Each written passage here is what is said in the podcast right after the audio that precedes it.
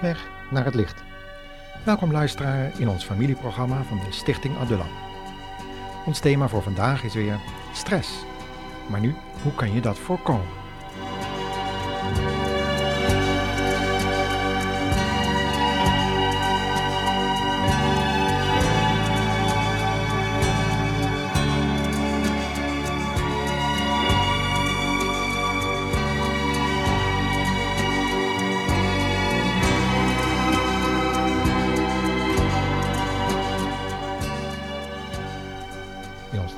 Programma vroegen we ons af wat stress nu eigenlijk was. We zagen dat het alles te maken had met ontbering, tegenslag, ontmoedigende situaties en een hoge werkdruk. Voor we nu ingaan op de vraag hoe je stress kunt voorkomen, moeten we eerst nagaan welke factoren een rol spelen in de ontwikkeling van stress. In de volgende radioprogramma's hopen we daar nog dieper op in te kunnen gaan. Maar alvast vooruitlopend op die programma's kunnen we stellen dat het uiterst belangrijk is de verhouding tussen geest, ziel en lichaam in evenwicht te houden. Als dat lukt, is er weinig kans voor emotionele stress. Natuurlijk kunnen er altijd onverwachte gebeurtenissen plaatsvinden die niet te voorkomen zijn, maar van belang is dat wij dan weten hoe wij met deze gebeurtenissen moeten omgaan, zodat stress kan worden voorkomen. Wetenschappers hebben dan ook aangetoond dat herkenning het eerste aanknopingspunt voor de behandeling van stress is. Daar de schepper ons allemaal heeft uitgerust met het vermogen om te denken en beslissingen te nemen, kan elk weldenkend mens om zijn intellectuele vermogen worden aangesproken.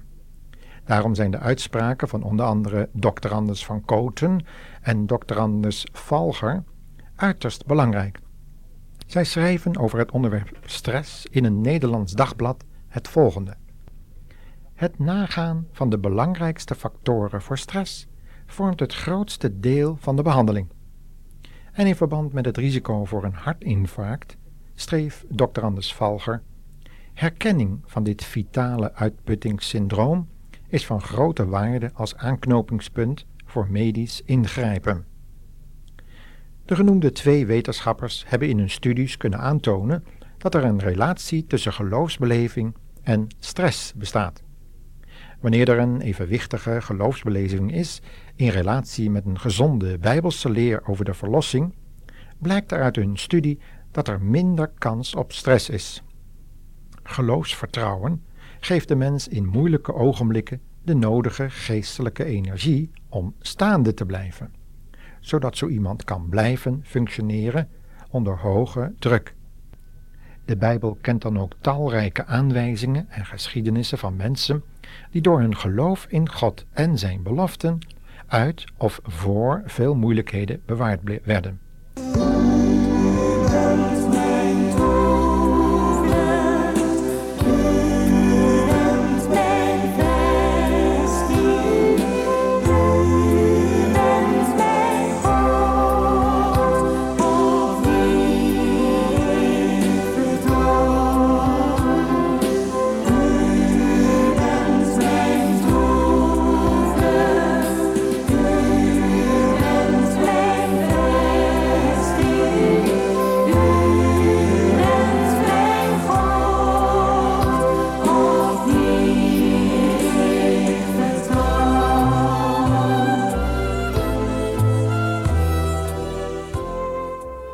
De stress zelf kan niet altijd voorkomen worden. Maar vaker ervaarden de gelovigen een bijzondere hulp van God, juist als de stressvolle omstandigheden dreigend op hen afkwamen. Daarom geeft de Bijbel zoveel waardevolle aanwijzingen om stress te voorkomen, of om er middenin staande te blijven. Ten eerste leert God ons te ontspannen, door onze aandacht op Gods mogelijkheden te vestigen. Wanneer we gespannen zijn, kunnen we niet goed nadenken en tot constructieve oplossingen komen. Luister naar goede, niet opwindende muziek of zang. Wees een tijdje bezig met dingen die geen spanning oproepen. En doe op geregelde tijden de Bijbel open om de psalmen bijvoorbeeld te overdenken. Bijvoorbeeld Psalm 1. Ten tweede, zoek iemand op die je vertrouwt, om over de dreigende stress te praten en wat de beste manier kan zijn om deze te voorkomen of aan te pakken. probeer ook de oorzaken en achtergronden te achterhalen, zodat we begrijpen hoe we in zo'n situatie gekomen zijn. Door dit te doen, brengen we onze eigen gedachten onder controle door die onder woorden te brengen. En wordt het dreigende probleem minder beangstigend, omdat we het beginnen te overzien. Ten derde kunnen we uit het verleden leren hoe we in dergelijke omstandigheden toen gehandeld hebben. We kunnen eruit leren hoe het opnieuw kan of juist niet moet, omdat het toen verkeerd ging. Ten vierde kunnen we iets leren van de stress waarin bijvoorbeeld David verkeerde na zijn zonde met Batseba, vooral toen het in ontucht verwekte kind op sterven lag. U kunt deze geschiedenis lezen in 2 Samuel 12. De knechten van David durfden hem niet te zeggen dat het kind al gestorven was. Maar uit de reactie van David leren wij dat hij onveranderbare situaties wist te accepteren, ook al waren die situaties ontstaan door de eigen zonde. Luister naar wat hij deed en sprak na de mededeling dat het kind gestorven was. David stond op, waste zich, kamde zijn haar, trok andere kleren aan en ging de tabernakel in om tot de Heere te bidden. Daarna keerde hij terug naar het paleis en at wat brood. Zijn dienaren stonden versteld. Wij begrijpen u niet, zeide zij. Toen het kind nog leefde, huilde u en weigerde u te eten. En nu het kind gestorven is, houdt u op met rouwen en eet u opeens weer. David antwoordde: Ik heb gevast en gehuild toen het kind nog leefde. Want ik zei tegen mijzelf: Misschien zal de Heere toch nog genade tonen en hem laten leven. Maar waarom zou ik vasten nu hij dood is? Kan ik hem daardoor terugbrengen? Ik zal ooit naar hem toe gaan, maar hij zal niet bij mij terugkomen.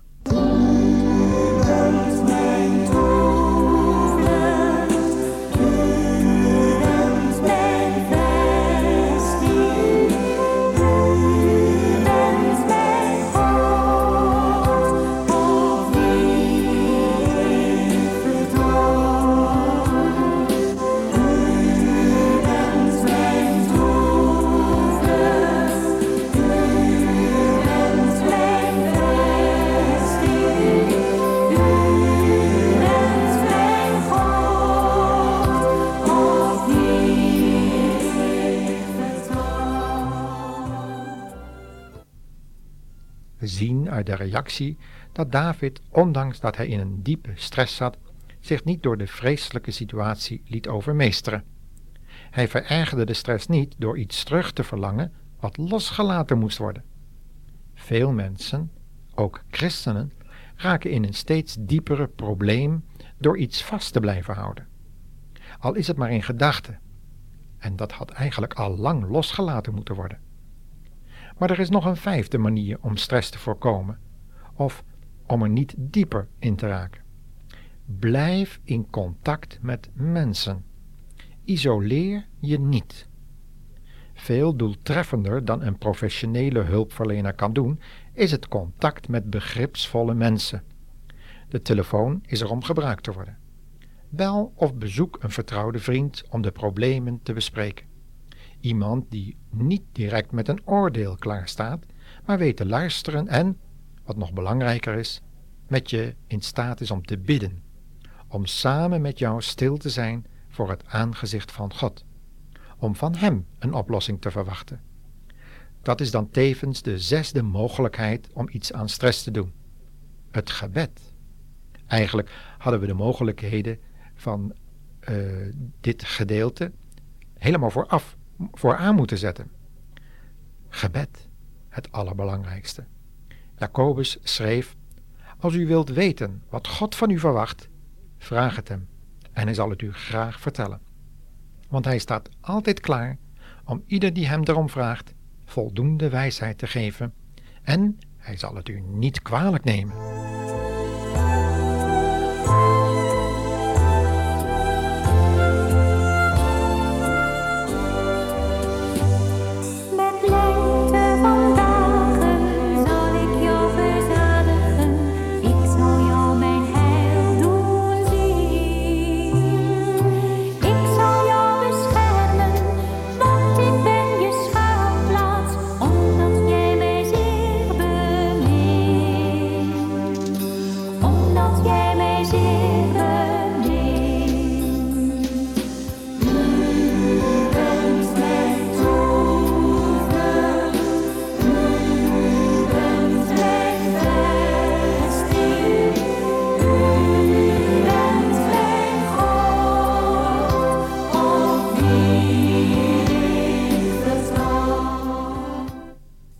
Wanneer de stress die komt, of er reeds is, het resultaat is van een misstap van uzelf?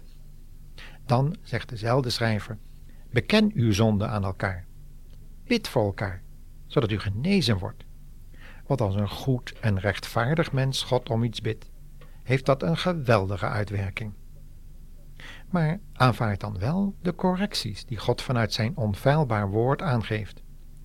Petrus schreef in zijn eerste brief, hoofdstuk 5, hiervan het volgende. U moet in de omgang met elkaar nederig zijn. Want God is tegen trotse mensen. Maar als u nederig bent, zal Hij u genade geven. Als u zich buigt onder de sterke hand van God, zal Hij u oprichten als Hij vindt dat de tijd daarvoor gekomen is. Vrees niet, zie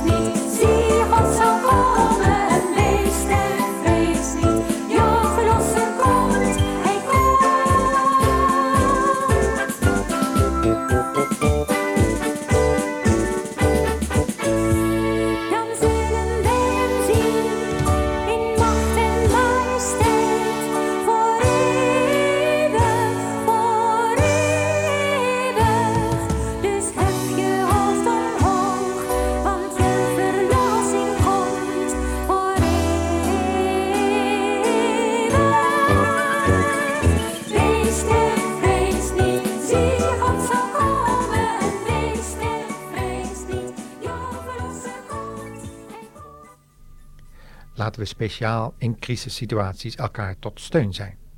Deel elkaars lasten, zoals Christus beloofd heeft ons juk mee te helpen dragen.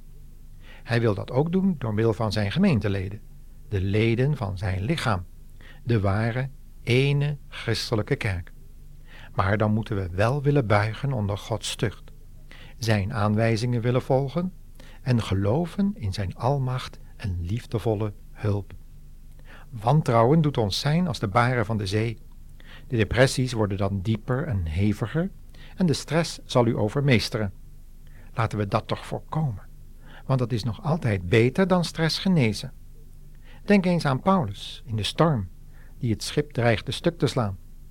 Door de eigen wijsheid van de kapitein en de Romeinse hoofdman waren ze in moeilijkheden gekomen.